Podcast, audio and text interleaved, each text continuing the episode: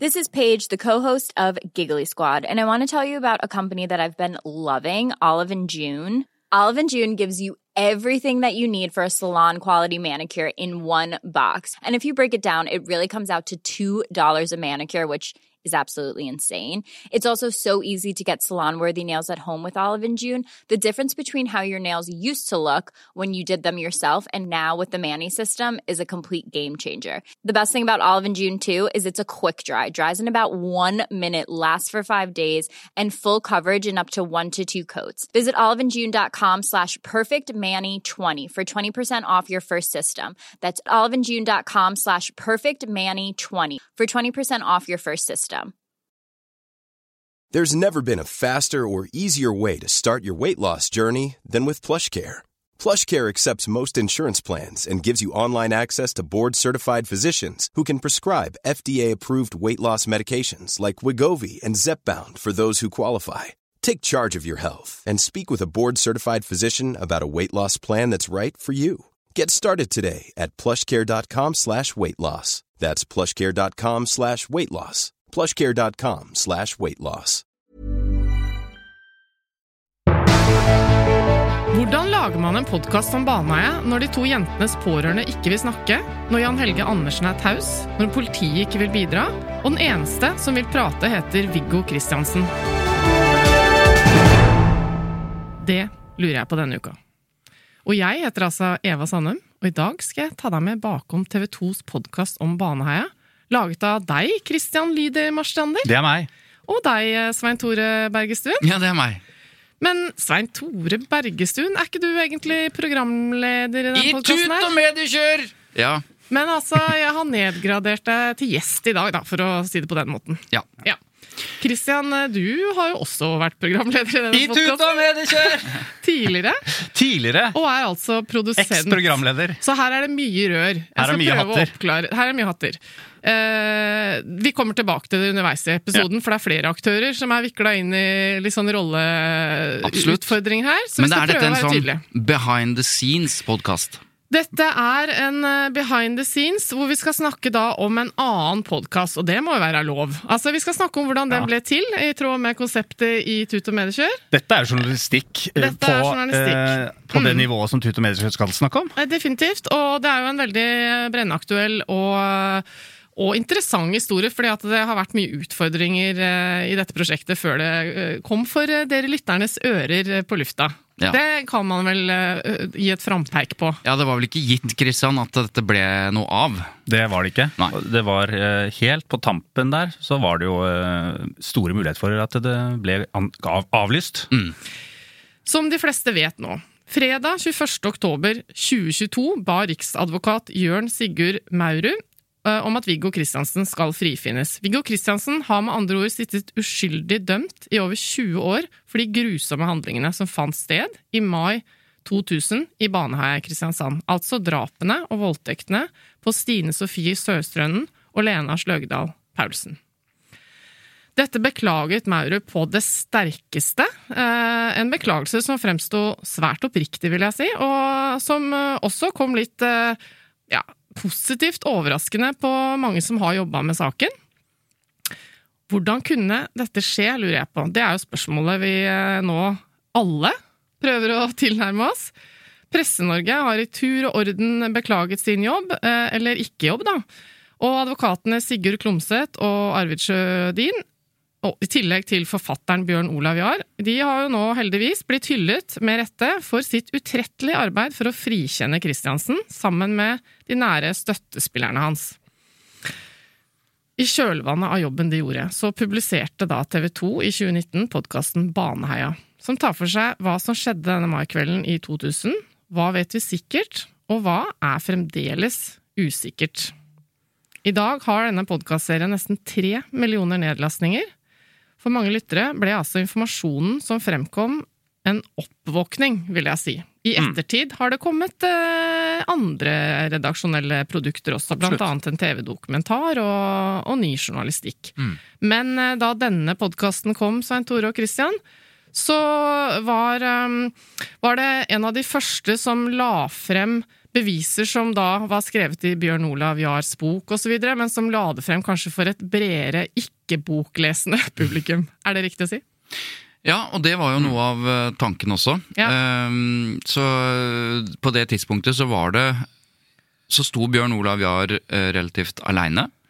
Hege Ulstein hadde skrevet en kommentar til støtte for boka. Og jeg leste boka, eh, og det var utgangspunktet. Så det skal vi, vi skal komme litt tilbake til hvordan starten var, men eh, Vi skal først høre et lydklipp med Viggo Kristiansen fra podkasten Baneheia. Altså, folk må gjerne sitte der og så vite liksom Jo, men helt ærlig, jeg vet ikke om han er skyldig eller uskyldig. Det må være opp til folk flest. Men jeg vet sjøl hva som er sannheten i Baneheia-saken. Og jeg skal ikke sitte og ta skylda for en annen manns handling. Jeg kommer til å fighte til det bitter ende for å få fram den virkelige, hele og fulle sannheten om Baneheia-saken. Og, og den hele sannheten, hva, hva er det for deg? Den hele sannheten for meg, det er det at eh, Jan Helge har begått to drap, to overgrep, i Baneheia. Og han har faktisk klart å lure hele Norge med å dra meg inn i saken og si at jeg er hovedpersonen. Men den riktige sannheten om Baneheia-saken, det er det at Jan Helge er den hele og fulle gjerningsmannen, ikke jeg. Jan Helge Andersen ønsker ikke å bidra i denne podkasten, men hans advokat Svein Holden uttaler sitat Jan Helge Andersen fastholder sine tidligere forklaringer i saken. Utover det har jeg ingen kommentarer. Dette er sterk kost. Altså, vi hører her at Viggo Kristiansen eh, legger skylda på en annen, da. Ja, Først så er det ikke noe overraskende at han legger skylda på Jan Egil Andersen, for det har han gjort i 20 år. Altså, Dette er jo det Viggo Kristiansen har ment hele tiden, men det er, jeg, jeg kjenner nå at det å høre det nå, når vi vet at han er eh, uskyldig, det gir jo en helt annen Og så er det viktig å si at dette ble jo, er et opptak fra 2019. eh, Og dette opptaket ble jo gjort uh, med, med meg og deg inne på, det, eh, på Ila landsfengsel, på besøksrommet Ja. der. Og, um, og det var jo da til denne Baneheia-podkasten. Men vi må litt bakom her. I 2017, eh, Christian, så Ja. starta du opp arbeidet med denne podkasten her. Hvorfor det? Da var jeg jo i gang med å etablere mitt eget produksjonsselskap, Lyder Produksjoner, og var jo på utkikk etter historier å fortelle med lyd. Og ca. samtidig da så leste jeg jo artikkelen din, Svein Tore. Tok vi feil? Tok vi feil. Tok vi feil? Og den traff meg var så rett i magen. Eh, og jeg opplevde eh, en virkelig sånn eh, Dette, dette Her ligger det noe og dirrer, noe uløst, som ingen vil snakke om. Altså, det var en kombinasjon der som, som traff meg veldig. Nettopp. Så, øh, så det, det endte jo med at jeg ringte deg, eller sendte deg en e-post. Fordi Og- du, du hadde da, Svein Tore, lest eh, boka Ja. til eh, Bjørn Olav Jahr, og så skrev du da det som Kristian refererer til, en, en lang artikkel i VG. Ja. Mm. Eh, fortell. Ja, nei, for dette, det hadde jeg ikke tenkt til. Jeg Nei. leste boka til Jahr, og så ble jeg helt sjokkert. Fordi at jeg hadde jo likhet med alle andre journalister lagt denne saken død. Jeg var helt sikker på det. Mm. Du var en av de, Ja, du også, som, eh, som tenkte at her har alt uh, gått riktig for seg. Men så leste jeg den boka, og så har jeg mange venner i, i pressen, så tenkte jeg at da får jeg i hvert fall uh, tipse de som ikke har lest boka. Eh, og eh, bare for å illustrere liksom klimaet den gangen, jeg, jeg, jeg sendte da ganske raskt etterpå en melding til en journalist i en stor norsk avis. Og så skrev jeg sånn her, og jeg fant fram den messengermeldingen. Har du lest boka til Jar? Den er faktisk solid, og de som uttaler seg negativt om den boka, må ha relativt forutinntatte meninger, skrev jeg her. Snakk om bekreftelsesfeller. Ikke bare har politiet gått til dem, men påtale og journalister og folk og fe, skriver jeg da. Og så skriver jeg at jeg har lest eh, dommene, og hadde ikke trodd dette her, men jeg, jeg tror vi står overfor et justismord, skriver jeg. Når kommer podkasten? Skrev jeg til han. Fordi at eh, jeg ville at han skulle lage et eller annet på det. Ja, ja. Og så skriver han Modig gjort uansett å skrive boka. Det som da iallfall er interessant, er hvorfor Andersen forklarte seg som han gjorde, og holder på det i dag. Ikke sant? Det var jo det alle lurte på. Hvorfor i all verden skulle han dra inn kompisen sin? Og så skriver han kan ikke lage podkast om det her. Og så skriver jeg da kjapt at eh, ja, men motivene til Jan Helge er godt redegjort for i boka osv. Her er det mye stoff.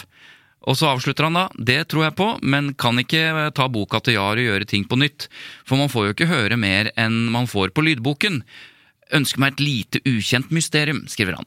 Ja. Så det var, det er, og det er jo en helt, Dette ville jo jeg sagt òg, Ja. eh, hadde jeg vært i andre enden Ja. og ikke lest boka. Så, Men eh, dette er bare sånn illustrerende, så jeg prøvde Han og veldig mange andre, alle hadde den reaksjonen. Da ble jeg forbanna. Bortsett fra én, da, som vi har snakka med før. Hege Ulstein. Bortsett fra Hege. Ja, I Dagsavisen. Eh, Helt riktig. Men så Det var utgangspunktet for at ja vel, Ja. da får jeg skrive denne kronikken. eh, og sendte den. Den eh, ble eh, avvist av, eh, av VG først. Ja. Men Gard Steiro, som er, eh, som er ansvarlig redaktør, fattet eh, altså interesse. Han var oppriktig nysgjerrig, som en av veldig få. Og dermed så endte det i hvert fall Det er en lang historie, men i hvert fall så endte det på trykk. Ja. ja. Jeg, jeg kan publisere den eh, kronikken din fra VG, sånn at leserne kan eh, kikke på den. Det er jo da, For da er vi i 2017, så det er jo ja desember 2017. fem år sia. Mm. Og så snakker dere to sammen. eh, Det gjør vi. Begynner å tenke på å ta fatt i dette selv. Hvordan ja. går dere da frem? Jeg husker jeg da også var med på Du intervjuet Bjørn Olav Jahr. Eh, på, eh, det var en boklansering, eller en etterprat etter boklanseringen, eh, på et sted. Og da husker jeg at du intervjuet han på scenen, og det var og det er litt spennende å tenke på sånn, hvem var til stede der? På den, hvem var det som dukket opp der? Og det føltes veldig ut som en, den innerste kretsen av alle de som eh, snakket om Baneheia-saken, som kunne den fra A til Å. Og alle spørsmålene i salen var egentlig bare sånn se, se Alle ville egentlig bare bidra med sitt innhold og sin kunnskap. Altså Det var bare den innerste krets. Det var ingen andre interesse, inter, eh, journalister der eller noen ting. Mm. Men, men da, eh, da mm, eh, Men når jeg var der, og begynte etter hvert å å- at Ja, skal vi lage en podkast? Så kjente jeg også en, en veldig dårlig følelse i magen. Og denne, altså, sånn, denne saken vil jeg egentlig ikke ta i. Nei. Altså, en kvalme. Hvorfor det? Altså, jeg kan si det, jeg kan, Hvis jeg kan få si det øh, Du må fortsette å si denne kvalmen, men, men dette så jeg jo på Christian. Altså, Christian er jo, For de som ikke kjenner Christian, han er en veldig Følsom Nei, men han er en veldig eh, liksom ordentlig, oppriktig stand-up man. ikke sant? Så han har ikke, og, og så er han litt grann konfliktsky. Det merket vi under hele prosjektet. Litt grann konfliktsky. Ja. Det er ikke jeg. Nei, Nei, det, der er vi veldig Og det var i og for seg det får grei jeg oppleve. ja. Og det var for så vidt en grei dynamikk, men, men jeg så det på Christian. Ja, ja, At det, dette var ikke, var ikke nei. Nei, liksom, men det er vanskelig å ta fatt på noe som eh, man opplever at resten av verden eh, er uenig i.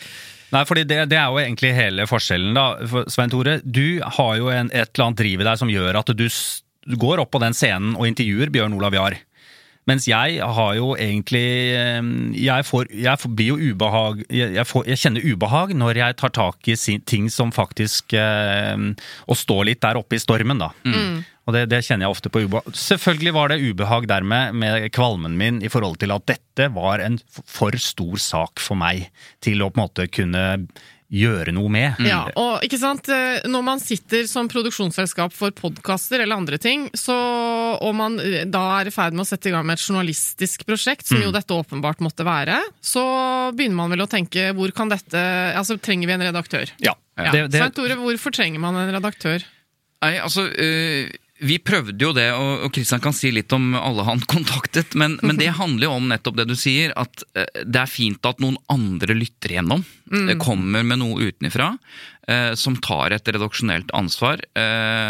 Og, som, ja, som, kan, som kan stå i det. Og det visste at, vi visste at det var sprengkraft i dette, så Ja. det kom sikkert til å bli masse klager og kanskje sånn og sånn. Og da syns vi det var greit at noen hadde et sted å gå, Ja, som ikke var i vår mailboks. Fordi det er, eh, eh, det er nok lett for eh, lytterne å ikke helt for, altså, å, tenke at men det er masse podkaster der ute som bare blir kringkasta, som ikke har noen redaktør. Så, Mm. og det så kunne vi jo gjort, Ja, men det men turte ikke jeg. Det, nei, det turte ikke du. Nei, det er det jeg vil frem det til. turte ikke jeg. Det tror jeg nok kanskje Svein Tore hadde Ja, turt. det, det tror jeg. Ja.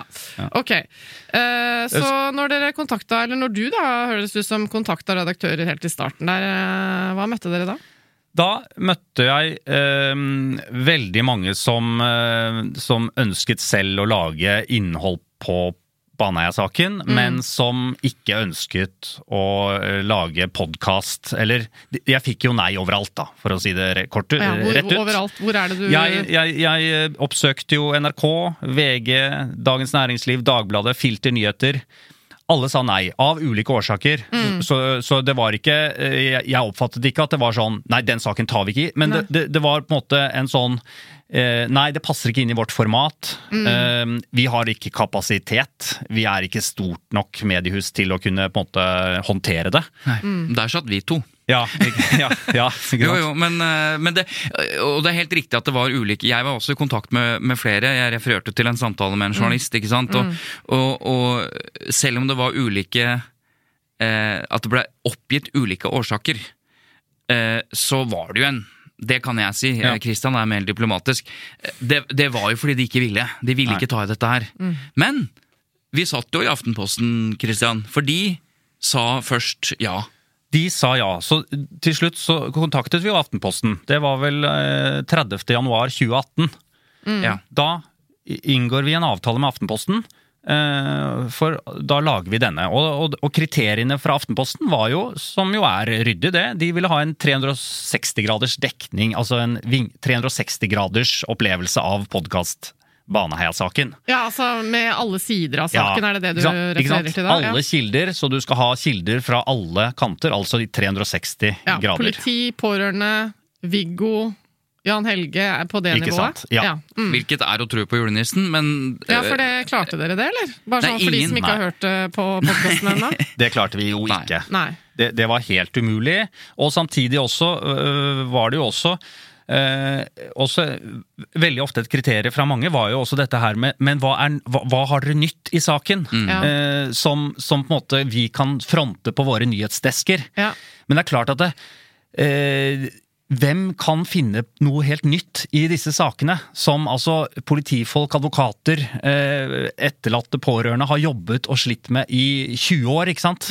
Hvordan kan jeg finne noe nytt? Jeg blir jo sittende og tenke sånn Det var jo veldig mye nytt i og for seg i eh, approachen. Eh, altså i. På den måten at man kanskje går inn i saken og stiller et uh, veldig åpent spørsmål. Men er, her- er, står vi overfor et justismord? For det var jo ikke gjort i så stor grad, annet enn i bøker. Nei, og det var kjernen i prosjektet. Det var jo å eh, etter å ha lest boka til Bjørn Olav så fikk jo vi, og du leste min kronikk, som egentlig bare er en, et liksom ekstrakt av det, så, så, så skjønte jo vi, eller vi trodde i hvert fall, at folk ikke hadde forstått. Folk hadde ikke forstått hva som faktisk var nytt.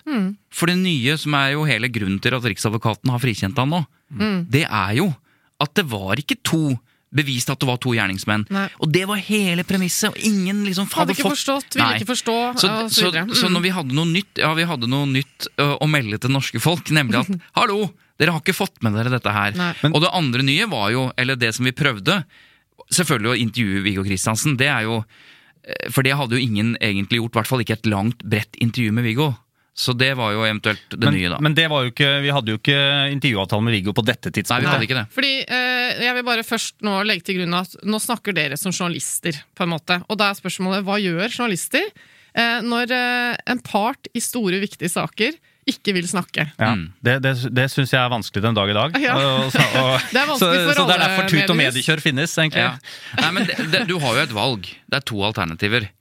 Enten så legger du vekk saken fordi du føler at du ikke har nok balanse. Det gir jo da eh, en side av saken, kilder, muligheten til å trenere et journalistisk Eller produkt. sabotere, eller Ja. sørge for at det ikke Og det er jo det som har skjedd i Baneheia-saken eh, over lang tid. Ja.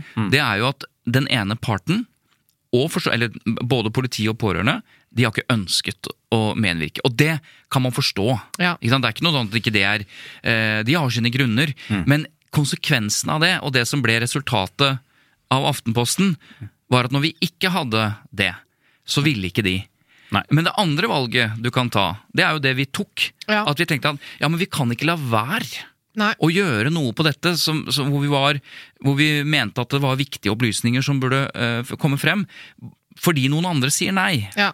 Nei, altså Da vil jeg bare gjøre dette veldig tydelig. da, at uh, Fra et presseetisk perspektiv så er det jo da sånn at uh, får du ikke et, en hovedperson i tale, så har du muligheten til å legge frem alle beskyldninger, alle spørsmål du har, og gi rimelig tid til svar. Mm. Og så er det ikke noe presseetisk galt da i å skrive eller eh, kringkaste det, det man ønsker. Men sterke beskyldninger må altså Mm. forelegges eh, de berørte. Ja, det er liksom hovedprinsippet. Men Christian, den, den beslutningen som Aftenposten tok, eh, de kunne ja presseetisk ha holdt seg innafor, for det viste jo vi at vi gjorde. Det har ikke kommet, eh, altså vi, vi gjorde jo denne podkasten etter hvert med en redaktør, det skal vi komme til. men men selv om det ikke er presseetisk galt, så kan jeg forstå allikevel at et mediehus tar den beslutningen, for de kan mene at nei, vi kan komme oss liksom, vi kan klare oss presseetisk, men vi mener allikevel det er feil. ja, ja, ja, og ubalansert, da. Men eh, Kristian, hva gjør dere da, når dere sliter med å få noen til å melde seg på prosjektet? Ja, ikke sant? Aftenposten har nettopp sagt nei, og da står vi jo der litt igjen. Og samtidig så har jo eh, jeg fortsatt å gjort intervjuer. Altså kontaktet kilder. Laget et ark med alle kildene. Eh, relevante mennesker. Og ringt rundt. Eh, Og så fikk du jo også en kilde i politiet, da. Så fikk jeg etter hvert en eh, kilde i politiet som eh, absolutt ikke ville være med, men eh, det ble jo en anonym kilde. Og det var jo kjempeviktig. Eh, men, men eh, Så en anonym kilde er jo da eh, Ja. en eh, navngitt person. Bare for, Nå snakker jeg litt fordømmes her, men bare for å gjøre det. da har Ja, ja. du kontakt med en som du vet hvem er, og, og som gir deg informasjon som du må håndtere også som journalist. litt sånn, ikke sant? Du må passe på at hvis du får lov av kilden til å bruke den informasjonen, så må du da sørge for at ikke kilden blir blåst ved å gi akkurat den Ja. informasjonen. Så du, her sitter du og sjonglerer ganske Ja. vanskelige ting, da. Veldig. Ja. Og, ja. mm, kom igjen. Nei, nei, det var jo sånn Og på øh, et øh, senere tidspunkt her, så, så, så ble det jo sånn at hvert ord i, i den voicen min Mm. som er i podkasten, måtte jo da på en måte eh, kontrolleres av den anonyme kilden. Kan jeg, kan jeg for eksempel si 'ifølge min anonyme kilde', Ja. og så kommer det som anonyme kilden sier. Ja. Da må det på en måte kontrolleres og avsjekkes med denne personen. Ja, ja. Og så hadde jo vi Kristian, veldig interessante diskusjoner underveis. fordi mens du hadde denne kilden, eh, som jo representerer påtalemyndigheten og politiet, og, og den informasjonen som, som de hadde, eh, og mente han var skyldig, mens jeg hadde kilder eh, på den andre siden som jobbet knallhardt eh, for at eh, Viggo Kristiansen skulle frikjennes. Så da måtte jo alle, all informasjon som kom i podkasten, og din voice og det vi snakket om, det var vanskelig balanse, ikke sant? For, for hva er egentlig sant, og hva er ikke Ja. sant? Men apropos en kilde i politiet. Altså, man kan ha et inntrykk av, når man leser norske medier øh, sin dekning av krimsaker, at politiet de stiller jo aldri opp. Altså, det er ikke det at de ikke stiller opp, men det er litt informasjon å få. Og øh, hvorfor ikke det? Altså, I Sverige har de en helt annen tilgang øh, når det kommer til dekningen av rettssaker rettssaker og kriminalsaker, nemlig at de får mer av dokumentene som ligger Alle. til grunn, alle. Ja. Og det har det også vært litt diskusjon om eh, i norske medier nå i det siste. Det er flere av presseorganisasjonene og flere redaktører som nå tar til orde for at eh, nå må vi se på mm. en raskere innføring Ja, av svenske tilstander. det, det er nå ute på høring. Altså, Ja. Det skal kanskje forandres. Dette er helt sentralt, som har dukket opp i, i, i kjølvannet av, av denne saken og andre saker, er nettopp det du sier, Eva. At Mm. norske medier har, er prisgitt lekkasjer Mm. for å få opplysninger. eh, Eller anonyme kilder. Anonyme kilder, lekkasjer eh, i pågående straffesaker, altså selv etter at det er tatt ut en tiltale. Og nå, ikke sant. De, de, alle de dokumentene vi satt på, Christian, som vi presenterer, er jo lekkasjer. Ikke sant? Eh, mens i Sverige, når det tas ut en tiltale, så får eh, pressen eh, tilgang til dokumenter og kan sette seg inn i tiltalebeslutningen og grunnlaget og alt Ja. mulig sånt. Eh, og så er det masse motstand mot det, bl.a. fra påtalemyndigheten her i Norge, eh, som ikke vil det, for de er redd for at, det, at de opplysningene kan misbrukes. da. Og da sier jeg rett og slett at ja, men se hvordan eh, pressen behandler eh, sensitive opplysninger i dag, hvor de får det lek lekka. De forholder seg til Vær varsom-plakaten også på det området, så hvorfor skulle, man, hvorfor skulle det liksom forandre ting, da? For eksempel at ja. man liksom fikk mer tilgang. Så dette er en diskusjon som det er som eh, vanskelig også, fordi i mitt tidligere liv, da, for bare et par år siden, så ville jo jeg egentlig tenkt at eh, alt dette lekkasjegreiene fra politiet er bare håpløst. La nå politiet og rettsvesenet gjøre sin jobb, og så kan eh, journalistene fortelle om det som skjer. Altså, ja. setter jeg litt på spissen, men Ja. det er jo lett å tenke at liksom Her er det ulike instanser som gjør ulike jobber. Men Min- når vi nå kjenner Baneheia-saken, så forstår vi jo hvorfor det er viktig at pressen eh, kan ettergå. Og én ting er jo alle dokumentene. En annen ting er jo hvordan man konstant ikke ønsker å uttale seg fra politiet. Altså i, i Baneheia-podkasten, hvor da på en måte den, den, mest, den, den setningen jeg har hørt mest de, disse årene, det er jo Jeg kan ikke kommentere denne saken f før gjenopptakelseskommisjonen har kommet med sin vurdering. Så de legger et slags lokk på det, fordi eh, De det legger et- tar eh, år og dag, eh, Så, så de, de skjuler seg bak systemet, og dette er jo riktig for sikkert. Jo, men det bare hvis- fortsetter, for når gjenopptakelseskommisjonen hadde tatt sin beslutning, så oppstår en ny etterforskning. Så da var svaret vi kan ikke uttale oss. Ja. De som hadde sagt at de kunne ikke uttale seg Ja. før eh, kommisjonen hadde tatt en beslutning, sa plutselig kan ikke uttale oss for det nå pågår en etterforskning. Ja. Og så var det liksom eh, ferdig etterforskning, og så Ja. ventet vi på, på Riksadvokaten. Kan ikke uttale seg. Så kommer Riksadvokaten og sier han skal frifinnes. Og nå har de bare gjemt seg. Ja. Nei, men én en ting er at de eh, siste gangen faktisk har gjort en etterforskning, og så kommer de til gjenopptakelse. Da mener du at da burde pressen begynne å våkne opp. Men de fem gangene før, hvor, de, hvor Viggo Kristiansen har fått avslag, så blir jo også gjenopptakelseskommisjonens konklusjon en slags bekreftelse for pressen. I at liksom, Da må vi jo stole det to- på at det det- arbeidet For det har jo ikke vært en åpen institusjon, det heller. Det er ikke sånn at pressen har tilgang Nei, på nei, liksom, nei. arbeidet til det er, to, det er to ting. Eh, eh, eh, De som er aktører, de skylder på prosess, at nå er det en prosess på gang, kan ikke uttale seg. ja. Mens pressen venter på at den prosessen skal bli ferdig. Mhm. Og da tenker de nå er den ferdig, så nå er det ikke noe grunn til å stille flere spørsmål. For det er jo tross alt ja, da har de gjort arbeidet nettopp. sitt. Så, så, så både pressen slutter å grave, og pårørende vil ikke uttale seg. Og der står vi og skal lage podkast. Så Aftenposten har trukket seg. Dere jobber fortsatt videre. Eh, Det må jo ha vært litt utfordrende, men hva skjer så? Jo, så får jeg plutselig en eh, SMS fra deg, Svein Tore, Mm. som gjør at jeg ringer deg, og du sier det her. Hei, hei, Svein Tore. Hvordan gikk det? Ja, jeg fikk en uh, konvolutt uh, som var uh, håndskrevet navn og adresse på. Og da er det Viggo Kristiansen som har sendt et brev. Så jeg sender over en besøkstillatelsessøknad som du må fylle ut med vennlig hilsen Viggo Kristiansen. Så han sa ja. Så nå er Viggo med? Da Viggo begynner det å røre på Kristiansen er med. Ja. Det var jo selvfølgelig en stor, stor eh, Altså, da skjønte jo jeg at dette blir det podkast av. Mm. ja, du til gjorde da det, for du, du hadde vært i ferd med å gi opp. Ja, altså, gi opp, ja. Det Ja. var jo eh, bare Altså, jeg eh, som litt konfliktsky, Ja, stå satt i det litt sånn bevret i et hjørne og var redd. Og, og tenk, altså jeg, og det å ringe også rundt til kilder og si Du, jeg lager en podkast om Baneheia-saken.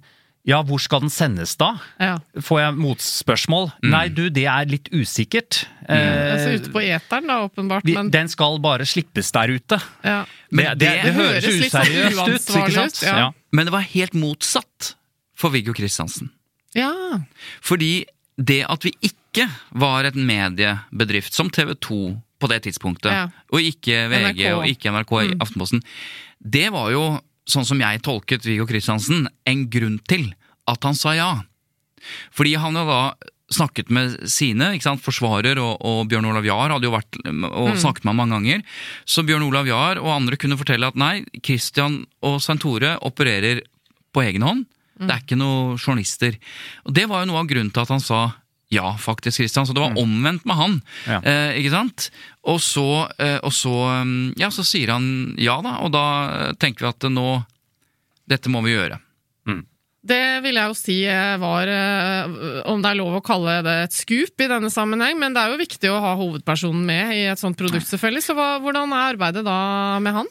Nei, da, da fikk vi jo besøks... eh, Tillatelse. Lov, tillatelse. Jeg holdt på å si besøksforbud. Ja, ja, det det. Det er mye forbud. Eh, besøkstillatelse. Og møtte Viggo Kristiansen eh, inne på besøksrommet på, i, i, på Ila landsfengsel.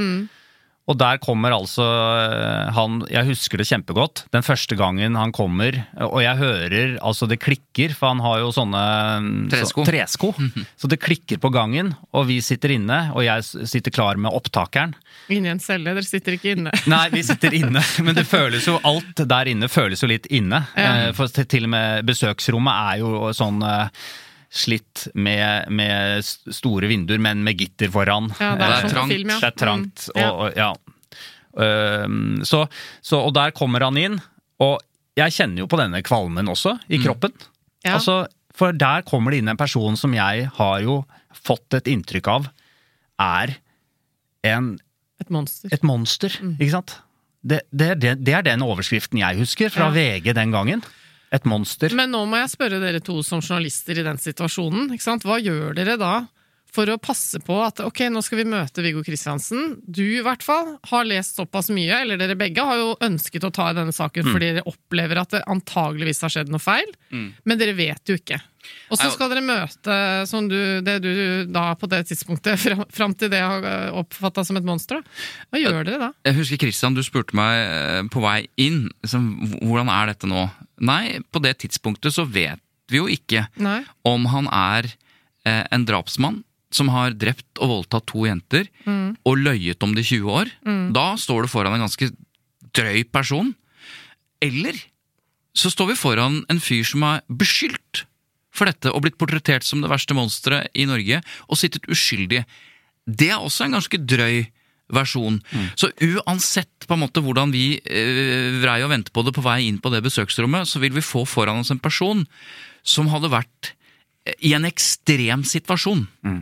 Eh, og så vil jeg bare si det, jeg husker godt det også når du forteller om dette besøksrommet, men da han kommer inn, og vi har ikke møtt han før, og vi har bare dette bildet, så kontrasten mellom dette monsteret og denne joviale sørlendingen Ja, Som vi nå har lest at var eh, mindre enn eh, vi trodde i sammenligning med f.eks. Jan Helge Andersen. Ja, og sånn, det, var- vært det var nå egentlig det kroppslige uttrykket, men, men det at han kommer inn eh, og, er en sånn, og tar deg hardt i handa som en håndverker. Han ser ut som en sånn butt håndverker. Mm. Ganske lav, men, men, liksom, men en jovial sørlending som prater Det er litt sånn når du ikke har hørt sånne mennesker, altså da mener jeg sånne mennesker som er så mye omtalt og sånn, ikke egentlig har noe stemme, du har ikke noe inntrykk av dem, så blir det en sånn, et, et, lite, et lite sånn sjokk, da. Eh, men så starter jo en helt vanlig, hvis du var det du spurte om, så starter en helt vanlig Ja. prosess. Vi hadde jo forberedt oss, Kristian skulle lede intervjuet, eh, gjøre, stille spørsmål. Så da ble det jo et normalt, Ja. eller Ja, kall det et normalt det intervju, du da. kaller et normalt intervju, vil jeg jo da, på vegne av lyttere som ikke er journalister, lure på Er dere da veldig innstilt på at dere hele tiden skal utfordre han i samtalen? At dere skal stille han kritiske spørsmål? At dere, eller, eller går dere inn der for å eh, knytte tillit og gi, gi uttrykk for at dere tror på ham? Hvordan er det dere bestemmer dere for å være i dette intervjuet? Jeg hadde jo forberedt meg på en sånn lyd, altså dokumentarisk måte. Ja. Altså ikke en nyhetsjournalist, men jeg kom jo inn der med seks-syv sider med spørsmål. Ja. Eh, og de, det var jo åpne spørsmål. Mm. Så her var jo det viktigste at han skulle bare fortelle ut åpent Ja. om hans tanker, og, Mm. og hvordan han opplevde situasjonen. Ja. Ja. Og så vil jeg bare si da, siden jeg da har skrevet en fagbok om intervjuteknikk, og vi Ja. forbereder oss på dette, eh, det er altså ikke sånn at det er særlig smart, uansett hva slags tanker du har, eller hva slags medium du kommer fra, å komme inn og begynne å utfordre og konfrontere eh, folk. Det er ikke sånn man intervjuer, bør ikke intervjue. På samme måte, da, for å dra den parallellen, da Anders Behring Breivik ble arrestert, de første avhørene, eller alle avhørene han, så blir han møtt med en profesjonell empati, Ja. med nysgjerrighet, fordi hensikten, som var hensikten vår også, får mest mulig informasjon fra Viggo Kristiansen om alt vi lurte på. Så det å, den der misforståelsen at eh, fordi du sitter med en som er dømt for noe, så skal du på en måte gyve løs på masse Ja, men det kritiske en, spørsmål. det er ikke en uvanlig misforståelse Nei, nei, fra men det mis, en det, nettopp, men det blir jo en misforståelse, fordi det, det, det, det illustrerer et forsøk på eh, å balansere på en måte for folk Ja. eh, i et intervju. er Men intervjuet skal ikke være det. Intervjuet skal handle om å få mest mulig informasjon. Publikasjonen må passe på det. Eh, Riktig. Ikke Men sant? når det er sagt, det var jo selvfølgelig spørsmål jeg måtte stille han. Ja. Som for eksempel. Har du drept Ja. og voldtatt to jenter i Baneheia? Mm. Det spørsmålet måtte jo komme. ja. Og da svarte han? Da svarte han jo nei, Ja. og begrunnet det. Så Så det, det var jo vanskelig, selv om man skal ha åpne spørsmål, så, så var det jo noen spørsmål som man måtte stille. Ja da, jeg ville jo valgt å stille åpne spørsmål hele veien, Ja. også om, drap, om drapet. Ja, ja. Men, men poenget er, som Christian sier, er helt Man må valid. ha noen avklarende spørsmål Ja da. Ja, men det viktigste er ikke altså eh, liksom, drepte du eller ikke, for det, du lurer ikke på svaret. Nei. Nei. Viktigheten handler om å berøre de tingene. Mm. Du sa at du var i Baneheia, du tok feil osv. Forklar. Ja. Så, det, så vi Ja. ga han jo muligheten til eh, Eller muligheten Vi konfronterte han, eller presenterte de tingene som politiet var opptatt av, Mm. og ville høre hva mener han om det. Det er jo det er jo det som er viktig. Å, å, å berøre, og ikke ha berøringsangst heller i det intervjuet. At nei, vi, vi kan jo ikke snakke om det eller det. Nei, vi, vi vil snakke om alt, vi. Ja. Så nå sitter dere på masse lydopptak av av intervjuer med Viggo Kristiansen. Du hadde jo seks sider med spørsmål med deg, Kristian. Ja. Mm. hva skjer så? Da eh, har vi jo fortsatt ikke fått noen ansvarlig redaktør. Nei. Og det jeg kjenner mer og mer på, et press, det er jo Ok, vi har Viggo Kristiansen med, det er et skup. Samtidig så uh, har vi jo fått en veldig skeiv podkast. enda skeivere enn vi hadde, enn ved at han er med. Så uh, derfor syns jeg uh, hele uh, podkasten blir mer og mer komplisert på dette øyeblikket, i dette øyeblikket. Fordi eh, hvordan i all verden skal jeg klare å veie opp dette? Ja, fordi nå er jo den åpenbare faren at det blir et mikrofonstativ Ja. for den eh, drapsdømte. Bare for den siden, da.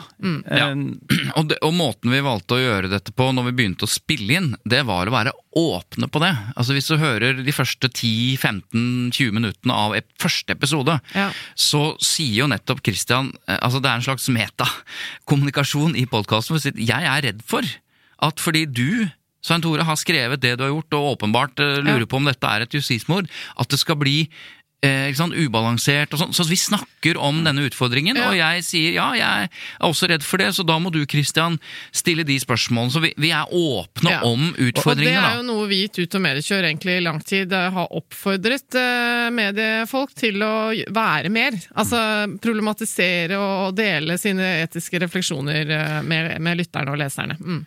Men det kom jo til et tidspunkt der hvor jeg For jeg, jeg var veldig eh, redd, usikker, på om jeg kunne stå i dette.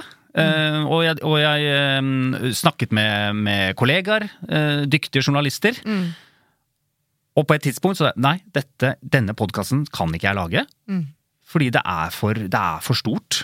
Eh, Det er for skeivt. Jeg har ikke en ansvarlig redaktør, så da ringte jeg deg, Svein Tore. Dette Ja. blir ikke noe av. Ja, ikke sant? Fordi du hadde jo hentet inn råd fra dine folk, ikke sant? Og, og det, det var ikke noe mange som støtta deg på det der. Så Nei. ringte Christian meg en kveld, jeg husker det veldig godt, for da tenkte jeg nå må vi kjøre, liksom. Og så ringer Christian med motsatt beskjed. Ja. Og jeg husker jeg var i kjelleren, hadde lagt noen unger og greier, og så, og så, og så sier jeg Men Christian, må gi, vi må ikke gi oss nå. Ja, men presseetikken og eh, sånn, sånn. sånn. Men stol på meg! Dette må vi kjøre! Og så kjente, hørte jeg meg selv liksom bare Ja. Jeg var ikke helt sikker, jeg heller. Uh, men jeg var i hvert fall overbevist om at vi, må, vi måtte ikke stoppe nå. Da hadde vi jo gjort alle intervjuene, og alt var klart. Nå har jeg lyst til å bare flagge, for at nå ser jeg for meg potensielt en sånn situasjon som man mistenker at skjer i andre sammenhenger også i en, eh, en redaksjon, nemlig at eh, nå har vi jobba så mye med dette, så nå må det bli en sak. Ja. Altså Det har vi jo Ja. noen ganger eh, kritisert, eh, sånne svære liksom, granske gravesaker som, som man sitter igjen og føler var dette egentlig en sak, og så kan man mistenke at det var litt Men, sånn. men det var ikke det jeg tenkte på, fordi eh, med all respekt, det var Christian som hadde gjort det meste av jobben. Så mine argumenter handler ikke om ja, men nå har vi gjort så mye. Mm. Nei, nei. Det, var mer, det var mer at jeg mente fortsatt at dette var viktig. Og det mente du òg, det var bare at du var litt mer bekymra for det. Og så, eh, og det er da eh, Det er vel på det tidspunktet vi tenker at eh, nå trenger vi i hvert fall en tredje vurdering, eller en eller annen. Ja, Og da eh, kontakter dere TV 2. det gjør vi. Fortell. Ja, der, da tar jeg kontakt med Karianne Solbrekke, som er nyhetsredaktør i TV 2. Presenterer liksom eh, hele Vær helt ærlig på det, at vi har, som du har lest, vi har prøvd. Aftenposten har sagt nei, sånn og sånn. Men vi føler både at vi trenger at noen lytter gjennom det, og ikke minst så trenger vi at de som klager, som kommer, De må ha et sted Det å er gå. jeg ganske sikker Ja. på at eh, ja. Så da, eh, da, og da var vi ferdig produsert. Eh, Altså, vi var ikke ferdig, men vi hadde jo veldig mye som Karanne kunne lytte til. Mm. Så hun begynte å lytte gjennom det og se på manus og alt mulig sånn. Og henne, hun klarte ikke det aleine, så det var Karianne og flere av hennes folk gikk inn i dette da. Nå må jeg bare kjapt komme med en liten disclaimer. og det er jo at uh, Vi Svein Tore, og spesielt du, jobber med TV 2 uh, som kunde i vår andre jobb. Ja. Vår dayjob. Uh, sånn Dayjob. At, eh, dayjob. Sånn at, eh, Som rådgivere. Mm. Eh, da er det bare viktig å understreke at eh, den jobben handler om å, å være rådgiver for ledelsen og sånn, og ikke for redaksjonen. Ja. Sånn at det kundeforholdet har ikke noe med redaksjonelle avgjørelser og den slags å gjøre, men, men allikevel. Absolutt. På grunn av det så har jo du relasjoner i TV 2 Ja, som det- bør flagges. Og jeg har jo jobbet med mange i TV 2 redaksjonelt, det er mer relevant. Men, Ja. men rådgiverrollen var liksom ikke et issue Nei. når Christian og jeg gikk til hverandre, for det var åpenbart et redaksjonelt produkt som de skulle ta stilling til. Jeg bare sier det, fordi folk kan jo lure. Absolutt. Mm, og Karianne Solbrekke mottar da dette materialet og begynner å arbeide med det. Jeg har faktisk eh, ringt henne. Å ja. Og jeg spurte henne om den beslutningsprosessen som dere nå beskriver litt, og, og, og hva hun tenkte da hun ble kontakta av dere. Jeg ble kontakta av Bergstuen og Marstrander. Eh, De fortalte at de hadde vært i kontakt med flere nasjonale mediehus, og ingen hadde lyst til å publisere den podkasten. Vi i TV 2 vi driver jo egentlig ikke med podkast, sånn at jeg var litt sånn usikker på om vi skulle gå inn i dette prosjektet. Men eh, jeg kjente på, på den tiden at det var viktig for meg som redaktør og TV 2 å gå dypere inn i Baneheia-saken med fokus på Viggo Kristiansen sin side av saken. Eh, Jeg var nok skeptisk. Eh, Jeg kjente på et sånt ubehag eh, med tanke på å, å, å stille seg på siden til en av, av Norges mest forhatte personer. Jeg kjente på et press fra andre eh, mediehus, fra politi, påtalemyndighet og, og pårørende. Eh, Men eh, Marstrander og Bergstuen hadde eh, veldig gode argumenter, og jeg landa til slutt på at eh, vi ønska å være redaktør for den podkasten. Kan du ikke også si noen ord om hva som ligger i eh, det å ta et redaktøransvar? Altså, de, hadde, de var jo i god gang med den podkasten. og de hadde jo ingen redaktør, det var bare de to.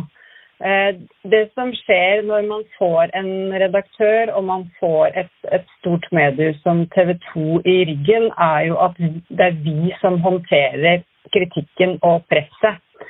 eh, eh, ut i offentligheten og kommentere den, og ikke minst var jo min rolle og ledere hos meg i TV 2 eh, var å følge med på presseetikken.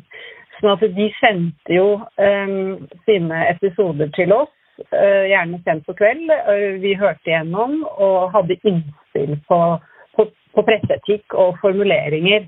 Så, så det er en sånn type dobbelt rolle. Vi både er, tar, tar av presset på, på journalistene som produserer den, det er jo sånn redaktører jobber, og så er det å, å ta presseetiske vurderinger eh, innenfor redaktøransvaret.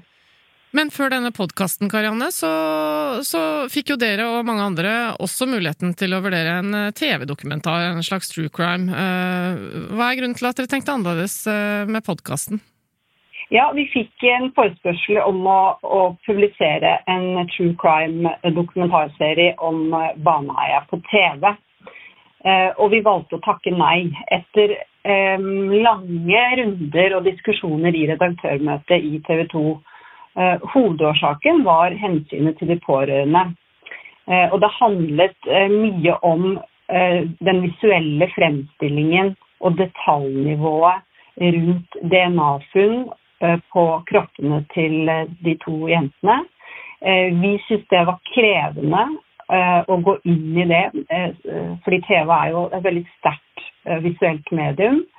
Um, Det handlet også om at vi ønsket en sterkere vekting av bevisene, sånn at eh, seerne eh, også kunne ha mulighet til å, å um, forstå eller høre påtalemyndighetenes side, noe vi eh, gjorde da i podkasten i ettertid. Så det var eh, eh, hovedbegrunnelsen for at vi takket nei til den, og heller da senere valgte å gå for podkasten. Vi eh, vurderte det sånn at vi som et kommersielt mediehus, altså, eh, som, som er nødt til å tjene penger da, for å, for å finansiere lønningene våre, i motsetning til NRK, eh, så, så var vi bekymra for å bli kritisert for å kommersialisere og tjene penger på en, en true crime-dokumentar på den eh, saken og det temaet. Eh, det, det opplevde vi som krevende. Eh, og derfor så var jo også når vi kom i diskusjonen eh, rundt podkasten, så, så var jo både Bergstuen og Marsander tydelige på det, og vi var tydelige på det, at dette her skal være uten reklame og spons. Det er vel sikkert Norges eneste podkast uten reklame og spons som har gått så bra, da. Eh, Så det er jo ingen av oss som da har, eh, har tjent penger på, på den podkasten. Vi gjorde det fordi vi mener at det var eh, viktig som, eh, som samfunnsaktør. Da. Dette var altså Karianne Solbrekke, nyhetsredaktør i TV 2. Og hun eh, forteller jo eh, at både TV 2 og dere var opptatt av at eh, her måtte vi sørge for at ikke det fremstår som at vi lager en sånn underholdnings-true crime. ikke sant? De vil ikke gå inn i en TV-dokumentar av denne grunnen, men de går inn i en podkast som da det blir beslutta at skal være reklamefri. Dette var jo en tid altså I 2019 var jo dette en del debattert. Altså Ja. både med underholdningspodkast og, og um, grafse i eh, pårørendes eh, historier. Og, og dette her med at man skal tjene penger på andres eh, tragedier. Ja, Men på ja. det tidspunktet så var det jo ingen som ikke hadde annonser i podkaster. Altså de podkastene som, som på en måte ble laget, enten det var true crime eller hva det måtte, var- det var jo sånn, sånn som vi har i Tut og Mediekjør. Sånne automatiserte eh, spotter. Men, men Ja, Som det- ikke vi eh, ikke sant, legger inn, som bare ja, det kan det være. Også i andre podkaster så er det jo eh, annonser og reklame som de henter aktivt inn. Poenget var at det, det, bare sånn at det, Altså Christian og jeg snakket om det ganske tidlig, før, lenge før TV 2 ø, var inne i bildet, at dette orker vi ikke.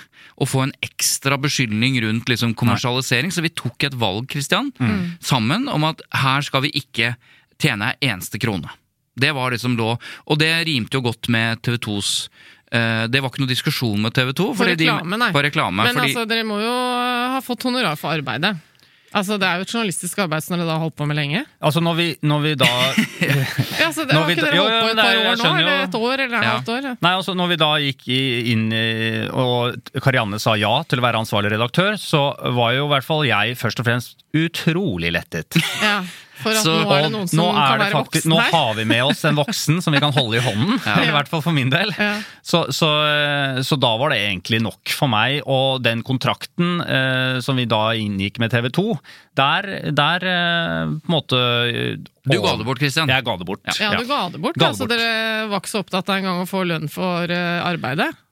Nei, men altså, ikke sant eh, Husk på at det er, det er noen Altså, jeg lever jo ikke av, jeg lever jo ikke av dette. Jeg lever Nei. av noe annet. Christian lever av det. Ja. Eh, men det var rett og slett eh, Vi tenkte at det eh, dette er viktig å gjøre, akkurat som Karanne sier at det var viktig å gjøre. Og Mm. Noen prosjekter tjener man masse penger på, andre prosjekter er det mer Og det høres så utrolig Jeg hører når jeg sier noe at at det høres litt sånn eh, Ja, nei, vi, vi det gjør det i idealisme og sånn. Det, er det er jo ikke det heller, men, det- men, men det faktum er at vi eh, ga det bort, Ja. og det var ikke noe reklame. Nei, og nå har podkasten eh, snart tre millioner nedlastninger, så kan man jo diskutere liksom ja. Men, men så skal det sies at eh, Og dette var en avtale med TV 2 eh, som vi var innforstått med. Ja, Alt, ja. I- Helt problemfritt. Og så har TV 2 eh, i tillegg betalt for ekstraepisodene. Som er kommet i Som er ettertid. kommet i Som dere har laget eh, Ja, for det var ikke gitt gitt at de vi skulle lage noe mer, og da Nei. har det vært en helt normal Ja. eh, diskusjon rundt dette. Som er at mediehuset bruker eksterne produksjonsselskaper, og da finansierer de eh, det, det produktet. Men det er klart at vi hadde jo ikke solgt Vi hadde jo ikke vært i prosess med TV 2 over tid. Nei. De fikk tilgang til noe, og Ja. vi var veldig keen på det, og vi ble enige om at vet du hva, da gjør vi det sånn. Ferdig snakka. Den er grei. Den er grei. Det som ikke var greit, Ja. det må jeg bare si, fordi jeg sa jo i stad at Viggo Kristiansen sa delvis altså, sa nok ja fordi vi ikke var TV 2 eller Ja. VG osv. Og, Mm. og på det tidspunktet så hadde ikke Viggo et godt forhold til noen redaksjoner. Nei. Naturlig nok. Ja. Og ikke TV 2. Husk at TV 2 historisk var jo de som filmet Ja. Viggo Kristiansen da han flira, og publiserte det. Da han fikk ja. avsagt dommen. Mm. Så, så dette visste jo vi, så når vi fikk TV 2 på laget, så var det jo liksom maktpåliggende for oss å få gitt beskjed til Viggo Kristiansen om at TV 2 er redaktør for en podkast som han har sagt ja til. Så da, øh, Og vi, han skulle godkjenne episodene, Kristian. Vi sendte jo alt til Ila osv. Ja. Men øh, dette er en lang historie, så kan vi bare si ved en inkurie Ja. så når ikke den informasjonen øh, om TV 2 som redaktør fram til Viggo Kristiansen tidsnok. Før første episode ble Ja, publisert. Nettopp. Og det, Ok. øh, det er litt vanskelig å kommunisere med en forvaringsdømt på Ja. Mm. Ila, mm. så det er jo mange ledd og sånn. Så, så, så han reagerer naturligvis på det, det får vi vite at han reagerer på. Og så får vi heldigvis eh, forklart dette her, begrunnet hele prosessen, hvorfor vi valgte å gjøre det. Og eh, i dag er jo situasjonen en annen, fordi han er en frimann, og, og han vet han har hørt podkasten, og han vet at denne podkasten eh, Eller han er, han er glad for at denne podkasten ble laget, da, Ja. kan vi si. Og sammen med TV 2 så bestemte dere da en publisering av de første to episodene på slutten av året 2019. Ja. eh, Fordi dere da eh, begynte å føle at det hasta. Fortell litt Ja. om det, Christian. Ja, for det, det var jo samtidig som eh, jeg ringte rundt og, og kontaktet kilder, samtidig som vi jobbet med å få inn TV 2, eh, da var det på plass, så var det jo et voldsomt tidspress her. For jeg hadde hele tiden kontakt med leder for gjenopptakelseskommisjonen, Siv Hallgren. Nettopp. Når kommer de med sin vurdering? Og eh, jeg så tilbake på denne SMS-utvekslingen nå, og, og det er jo altså en sånn Er det noe nytt fra kommisjonen? Ja, vi skal møtes da og da. Nei, det ble ikke en vurdering da. Er det noe nytt fra kommisjonen? Vi skal møtes da da. Og sånn fortsatte. Og da fikk jeg en veldig sånn magefølelse på at når det kom en SMS fra Siv Hallgren at nå skjer det, i desember 2019. Og det snakket alle om, Ja. for det, det, var et, det var et møte i desember 2019. Ja. Eh, men spørsmålet ble jo liksom blir det en avgjørelse da eller Ja. ikke? Så Alle innstilte seg på det. Hele podkastserien eh, var, jo, var jo liksom jobbet jo mot gjenopptakelse, og vi måtte bli ferdig før gjenopptakelse Ja, for dere ville publisere dette, sånn at lytterne selv skulle få høre det dere Ja. mente var uh, viktig informasjon, uh, før de leste i avisen Ikke sant? hva konklusjonen til gjenopptakelseskommisjonen var. Så da var jo hovedideen at eh, alle episodene skulle være ute, og så kom kommisjonen med sin vurdering, så at lytteren kunne si sin e gjøre opp sin egen mening om det, den Da vurderingen. Da ser jeg for meg deg, Christian. Du sitter og klipper som en gal uh, for å få dette ferdig. Det begynner å nærme seg. Ja. Uh, og så må jeg bare legge til at uh, den datoen som du da jobber mot, desember 2019, det er jo den konklusjonen som da ikke kom før nå i begynnelsen av året 2022. Det er riktig. Mm. Nei, Nei, 2021. unnskyld. Eh, begynnelsen av året 2021. Riktig. Ja. Så, så det, det vi tror, det alle tror skal bli en gjennomtagelse, eller ikke en gjennomtagelse, altså av beslutningen i desember 2019, den kommer ikke før over et år seinere. Så det, det sier jo litt her. Det, Hadde jeg visst det, hadde jeg brukt litt mindre stresstid Ja, på klipping. Ja, ikke sant. Men, eh, så du stressa med den klippingen. Eh, Svein Tore, da ser jeg for meg hvordan du stressa med noe helt annet, nemlig det du kan. Eh, Altså forberede kommunikasjonen rundt publisering og pressemelding og alt sånt nå. Ja, jeg, jeg husker ikke helt hvor mye vi kava med det, men det er klart vi ville jo fortelle at det kom en podkast, men litt i den samme sjangeren som, du vet, ikke gjøre det mere og på å si, ikke bære mer sten til byrden for eh, de pårørende og alt det, så, så, eh, så tenkte vi at vi må jo gjøre dette også sobert, da. Ja, Men pluss vi- at jeg tenker at eh, det er vel det vi kaller kommunikasjonsberedskap. Du var vel Ja. i gang med å tenke sånn hva skal vi svare på potensiell kritikk? Det og... jobba vi en del med, og selvfølgelig ville TV 2 også de forberedte seg på hvordan de skulle forsvare dette. Men jeg husker vi hadde mange runder på hva eksakt skal det stå i pressemeldingen. Mm. Hvordan skal dette formuleres utad, så det ikke skaper Altså så at vi får frem budskapet i det vi ønsket. At lytterne skulle få øh, At vi skulle fortelle hele historien. At, øh, at hva er sikkert, hva er usikkert. Altså vi hadde en del sånne kriterier for hele serien som var viktig å få frem. Ikke med støy Riktig. Når ble første episode publisert? av serien. Av Baneheia? 27. november Ja. Så det- Så vi fulgte den planen. fulgte den opprinnelige planen, ja. Vi, vi gjorde det. Og så er altså de første episodene publisert. Eh, dere har forberedt dere på mye motstand. Eh, Hva skjer? Helt i starten er det jo helt stille. Helt stille? Altså, så, altså lytterne må jo få hørt, begynne å høre. Ja, ikke sant? Så det er helt stille, og den stillheten eh, gjør meg jo veldig engstelig. Ja. For nå vet jeg at eh, nå er det der ute, nå er det ikke jeg som kan styre lenger inn, altså hvordan folk tolker innhold. Ja. Nå er, det, nå er det der ute og skal leve av seg selv. Og det, det, det syns jo jeg var veldig skummelt. Så du, du er livredd, rett og slett? Ja. ja. Jeg er også forberedt på alt uh, mulig. Um, og så er vi jo Vi er jo stolte av det vi har lagd òg, ikke sant. Uh, Vi syns jo det er viktig. Vi har ikke mista det av syne, så vi forventer jo på en måte forventer både kjeft, men også uh, anerkjennelse. da. Fordi at vi turte eller gjorde osv. Men det blir, veldig, uh, det blir veldig stille. Og så begynner det å tikke noen meldinger inn fra lytterne. Så kommer det eh, e-poster fra lytterne. Og, og eh, det er etter hvert så mange som, eh, som eh, kommer med innspill til saken. Men alle starter med 'takk for at dere lager denne podkasten'. Og på et tidspunkt der så deler vi jo eh, jobben i to, Svein Tore. At, mm. Så at vi prøver å få svart alle sammen. Og det som spesielt gir inntrykk der, er jo at det er så mange unge mennesker fra Kristiansand som, som sender inn e-poster og sier tusen takk for at dere mm, snakker om denne saken. Og, da, og det kommer frem at dette er jo selvfølgelig en sak som har blitt lagt helt lokk på av foreldregenerasjonen til disse unge.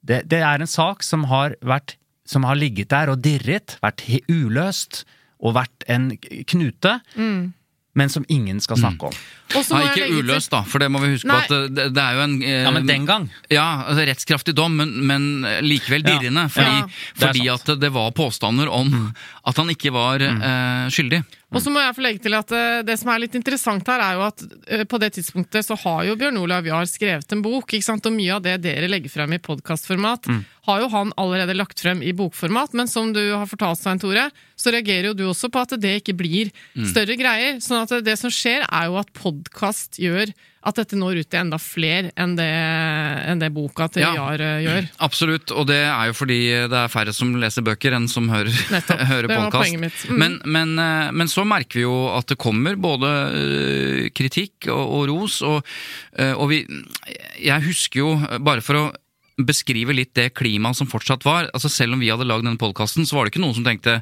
Eh, å, Eureka, han er uskyldig.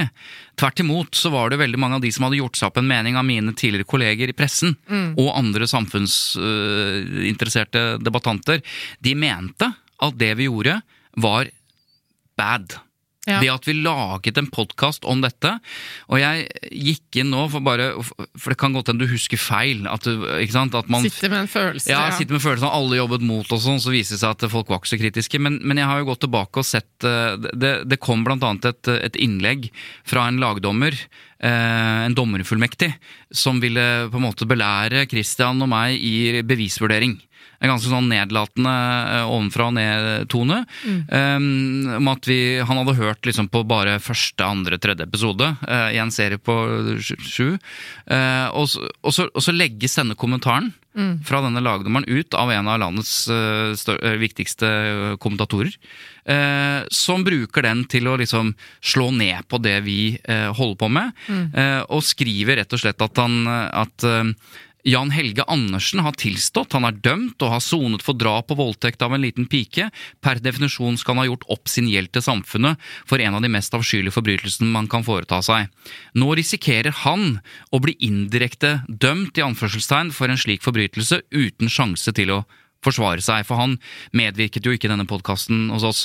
Og da kjente jeg at eh, ja, det er vel ikke det som er den største risikoen her, at Jan Helge Andersen blir dømt på nytt. Vi, hele poenget med podkasten er jo å illustrere risikoen for at vi kan ha dømt en mann uskyldig 20 år i fengsel. Så Ja. jeg husker at jeg, jeg syns det der var veldig Og dette kommer fra norsk presse, da. Bare for, å- så Norsk dette presse. var en kommentar. Og så kommer en, en sterk eh, samfunnsdebattant, akademiker, som kaster seg på og sier at eh, å bruke journalistikk som arena for omkamp om skyldspørsmålet i en rettssak, Baneheia, som blir avgjort etter en lang og nitid behandling, eh, det er, sagt på en pen måte, temmelig problematisk. For meg fremstår det som uetterrettelig å overprøve en dom på den måten dere forsøker her. Så det, Vi må ha det i mente. ikke sant? At Når vi har publisert den podkasten her, så, så, så er det mange som mener at det er feil. Og Det siste jeg fant, var en, en, en advokat igjen. Dette er, jo, dette er jo ikke hvem som helst. Dette er en advokat i et stort advokatselskap som sier at denne saken er så grufull for alle som leser den, og spesielt opprivende for de etterlatte, at pressen altså vi da, i anstendighetens navn ikke burde omtale gjenopptakelsessaken i detalj før det eventuelt foreligger en beslutning om gjenopptakelse. Altså helt motsatt av det Christian har tenkt, at vi lager en podkastserie som skal gi folk en mulighet til å gj- gjøre seg opp en mening før den kommer. Ja, for da er vi jo tilbake igjen. Hvis dere skulle ventet og hørt på den konklusjonen, så Mm. kunne dere risikere at det var sjette gang eh, et nei, og så var det ferdig. Ja, i hvert fall så er det- og i- i lys av det så tror jeg vi nok en gang kan gjenta da, at den eh, beslutningen som kom fra kommisjonen nå sist, når den ble gjenopptatt, det var jo en tre mot to-beslutning, som man kan jo kanskje se for seg at det kunne ha gått omvendt. At flertallet Ikke- sa nei. Ikke bare se for seg, altså det er, eh, bare så folk vet det, det, det var hårfint. Ikke Ja. fordi at det var mange gode argumenter mot og mange gode argumenter for, etter mitt skjønn. Nei. Det har jo Riksadvokaten på en måte slått fast, at dette, her er det en frikjennelse.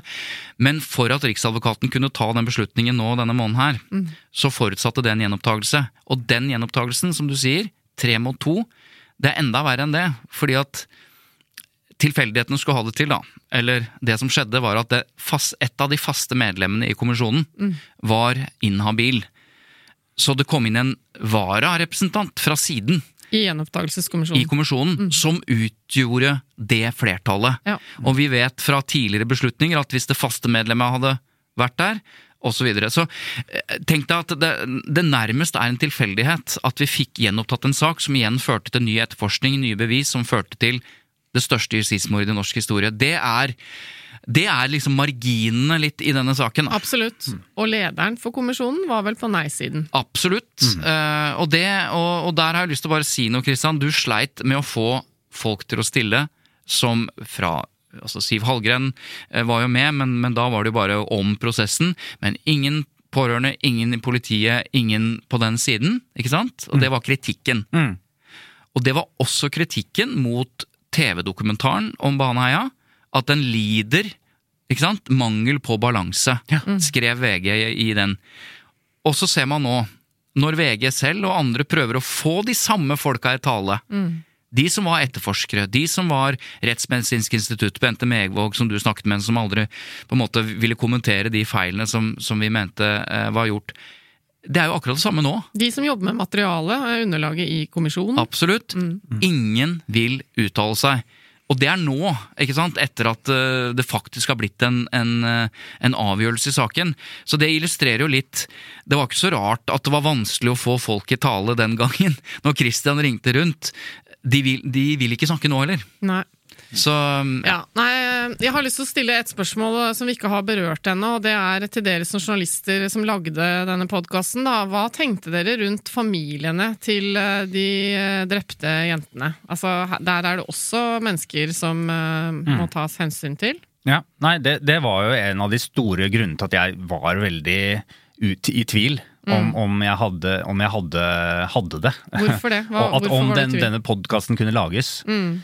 Nei, fordi det er jo forferdelig. De sitter der og vil helst eh, at denne saken skal lukkes. Mm. Og det, det, det jeg, Fordi det er en påkjenning at det røres rundt i saken Absolutt, eh, absolutt. med jevne mellomrom. Og jeg hadde jo en, en av de første samtalene jeg hadde med, eh, var jo med Ada Sofie Austegard. Mm. Moren til uh, Stine Sofie Sørstrønden.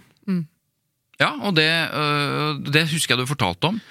Og det er klart at det var Ja, det var kjempevanskelig. Det var veldig vanskelig. Og, og, og du, du skjønner, alle skjønner jo hvor, hvor forferdelig det er. Og, og, så, og så husker jeg jo også at um, vi snakket mye om det, Svein Tore, og da husker jeg jo også at du, du sa ja, men det er jo flere ofre i denne saken. Mm. Som jo da ble et argument for å gå videre med prosjektet.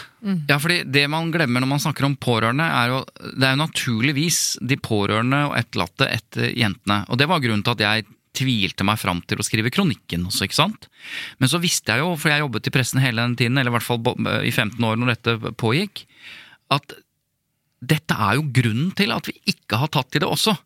Ikke sant? Dette, det hensynet til de pårørende er jo noe av grunnen til at vi at vi rett og slett hatt den berøringsangsten som nå alle snakker om. Nå, nå snakker alle om det. Ja, det er riktig, vi har hatt berøringsangst, og vi har tatt for mye hensyn osv. Mm. Men det var ikke så lett å si i 2018 og 2019. Så det, var, det, det at vi holdt på å skrinlegge prosjektet flere ganger, var jo også med hensyn til det. Og det, mm. det, det må jeg si at det er umulig for oss å sette oss inn i den belastningen og det helvete de har vært igjennom. Ja, for det er eh, mulig å forstå at det har vært vanskelig. Selvfølgelig, og da nettopp gjenopptakelsesbegjæringene, de gjentatte til Viggo Kristiansen, mm. er også har vært den belastningen for dem som har ja. fullt og helt trodd og hatt tillit til det rettsapparatet har gjort. Husk på det, De har jo ikke funnet opp dette selv. De har ikke pekt ut en drapsmann fordi de liksom tenkte at det er sikkert Viggo. Mm. Det er rettssystemet som har gjort det, og da må de stole på det. Mm. Og så har de opplevd en gjentatte liksom, forsøk på å, å, ta opp den saken, er en belastning. Og når da boka til Jar kommer, og, og podkasten vår kommer, så er det det samme. Mm. Det er en forsøk på å liksom gjenta, oppta dette, oppta dette på nytt. Mm. Så vi, dette, altså, det er vanskelig å sette seg inn i hvor vanskelig det er, men samtidig så må vi ha et perspektiv når vi aner konturene av det som kanskje er feil. Så kan ikke det være avgjørende. Og, og det var det som var poenget. Det er pårørende også i Kristiansens familie de som har reist til Ila hver måned i 20 mm. år for å besøke gutten sin, Fetter, som de tror bror, på. bror, foreldre. Mm. Det, det, snart så ble det jo ørens lyd å få at det faktisk var en, en annen familie også som hadde kanskje noe som kanskje burde bli hørt, da. Så eh, det var vanskelig. Mm. Det er jo eh, mange mennesker eh, rundt Viggo Kristiansen som har bidratt på ulike vis, advokater, forfattere osv., men jeg vil si at Blant journaliststanden så er det vel riktig å si at dere to eh, er eh, blant de som har virkelig satt dere ordentlig inn i denne saken, da, på grunn av at dere har jobbet eh, med denne podkasten. Så nå som vi vet det vi vet, hva sitter dere igjen med etter dette? Nei, ja, altså Det blir jo sånne store, store ting, da. Ja. Men altså Jeg har jo blitt veldig eh, veldig skeptisk til rettsstaten Norge. Mm. mm. Så jeg har virkelig eh, kjent på at jeg har vært veldig naiv. Eh, og er veldig usikker på eh, ten og, og, tenker mye på alle de som kanskje er, er uskyldig dømt, som sitter i fengselen i dag. Mm. Fordi hvis, når dette kan skje, så er det eh, Ja, det stiller så mange spørsmål rundt det. Og så er det en annen ting også, og det er ordet sannhet det har for meg fått en helt Altså, det har blitt helt ødelagt, det ordet. Eh, fordi alle krever sannheten. Sannheten er til enhver tid hos den du snakker med. Mm. Og det har, vært, det har, jeg ikke helt skjønt før. Så sannheten er en tolknings, et, et ord alle tolker, mm. og det, det, har jeg også mm. lært. Mm. Det er en blanding av en sånn sterk sterkt behov for å liksom på den ene siden si 'hva var det vi sa'? Mm. Ikke sant? Fordi at det var ikke så mange som våkna. Og så tenkte jeg på det her om dagen. Jeg, jeg, jeg leste den beklagelsen til Fridtjof Jacobsen, som er tidligere eh, VG-kommentator, nå politisk eh, redaktør i, i, i, Dagens Næringsliv. Og han hadde en, en syns jeg, en Hvis du lurer på hva en beklagelse er, eh, eh så må du lese den. Han, han forteller om at han aktivt motarbeidet en, eh, altså journalistiske prosjekter om dette. Han var avvisende. Mm. Han var i den rekka. Mm. Og det er mange som han, men det er bare Fridtjof som har skrevet det på den måten. Og så sender jeg han en melding eh, hvor jeg liksom anerkjenner det. Mm. Eh, og så sender han en melding og liksom ja, dere lagde jo på dette på det tidspunktet og sånn og sånn. Men så tenkte jeg, og dette er viktig, hadde jeg jobbet i pressen mm. fortsatt i 2017 da den boka til Bjørn Oravia kom, jeg er ganske sikker på at jeg hadde lest den fort, og hadde gjort akkurat det samme som de andre. Og dette er ikke koketteri, jeg er ganske overbevist om det. For husk på at jeg var helt likt. Så det jeg skrev til Fridtjof, var at da jeg begynte med dette og skrev den kronikken og den podkasten, så sto jeg utenfor pressen. Mm. Jeg hadde en helt annet liksom Jeg var ikke en del av gjengen. Jeg, var, jeg hadde, og jeg, vi drev jo på en måte, Jeg drev med mediekritikk. Jeg, jeg mm. hadde et aktivt blikk inn for å se hvordan min tidligere stand på en måte gjorde feil og sånn. Så, ja. så, det var rett og slett mye enklere for meg ja. å ta tak i dette eh, enn det. Så, så, det har jeg et behov for å si. fordi at det, det jeg hadde ikke gjort det. Nei. Hvis jeg ikke hadde vært på utsiden. Noen ganger så er det lurt med et utenfra-blikk, da, Ja. og det gjelder jo også mediekritikk og, og det å se seg selv. Eh, Mm. Det, det kan være lurt at man får hjelp av andre enn de som har et behov for samtidig å, å forsvare seg. Da. Eh, Fordi nå er det jo også blitt en diskusjon om hvorvidt eh, i tillegg til alle andre instanser som nå skal gå i seg selv etter Baneheia-konklusjonen, så bør kanskje også pressen gjøre det. Det skal vi komme tilbake til. Men um, nå er det sikkert en del som hører på dette som ikke har hørt på Baneheia. Eh, Det kan du da gjøre. Jeg tillater meg, og, og, fordi dette da Vi vet at dere ikke kommer til å tjene særlig penger på det uansett, og informere om at den ligger jo der hvor alle podkaster finnes, og den er det jo mulig å høre på. Det er fortsatt eh, en fremstilling av saken som er aktuell og interessant. Det er ikke så mye nytt som har skjedd eh, av liksom detaljer i bevisene som ikke dere snakker om i den. Kommer det flere episoder? Det gjør det. Det kommer en ny episode, og øh, den vil hete Har vi rettssikkerhet i Norge? Det er det mange som snakker om, og, det er mange, og dette må vi bare finne ut sammen, alle sammen, eh, som, eh, som mm. jobber med eh, retten.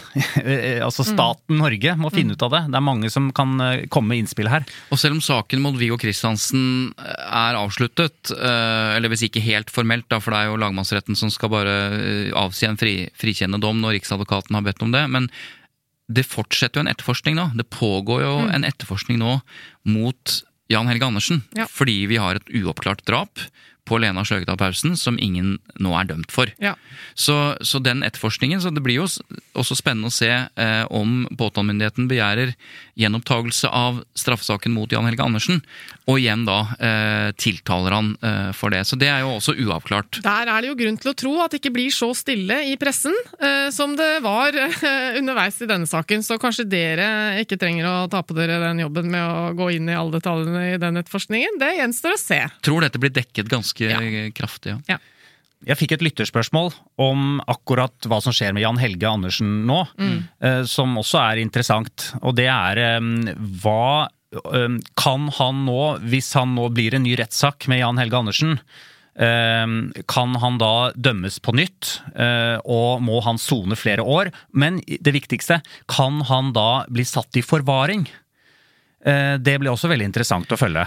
Ja, det blir jo i så fall, eh, hvis den saken kommer opp, så blir det jo en helt ny rettssak. Eh, Men det er jo det samme saken som han er dømt i eh, på forhånd. Det er bare at saken gjenopptas. Og Det, han kan bli siktet for et nytt drap. han da. er siktet for det drapet, men han kan bli tiltatt og Ja, dømt for det drapet. mm. Og, eh, men så er spørsmålet, dette vet ikke jeg godt nok med liksom hvor Han har jo sittet lenge, Ja. så om han må sitte inn igjen osv.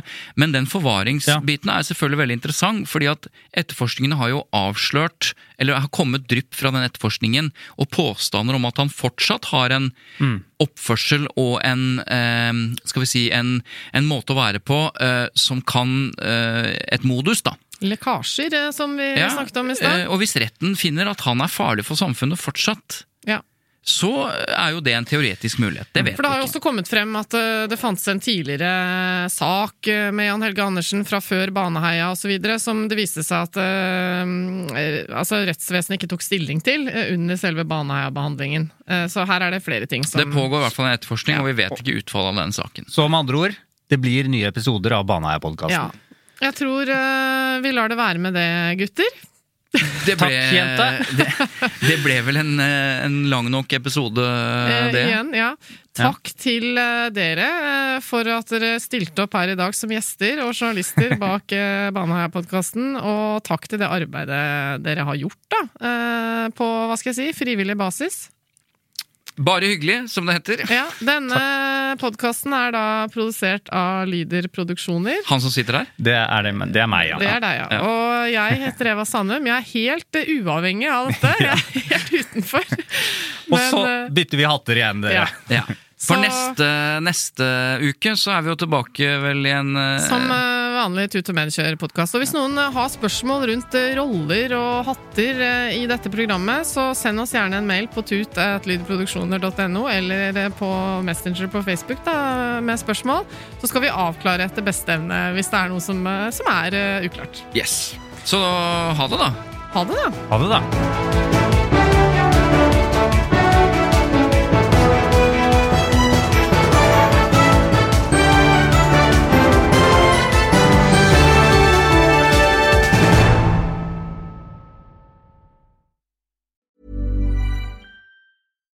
Here's a cool fact a crocodile can't stick out its tongue. Another cool fact you can get short term health insurance for a month or just under a year in some states. United Healthcare short term insurance plans are designed for people who are between jobs, coming off their parents' plan, or turning a side hustle into a full time gig.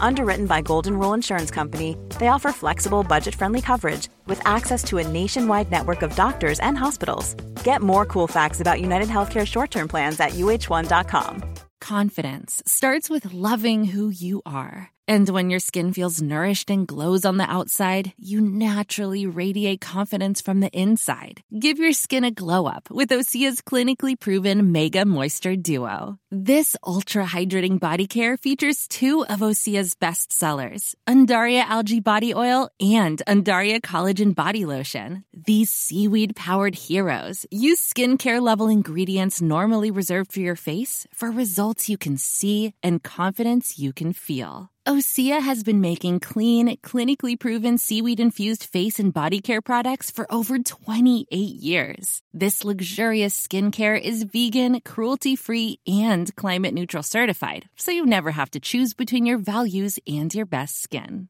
Glow from the inside out. Get 10% off your first order with code GLOW at OseaMalibu.com. That's O S E A Malibu.com code GLOW.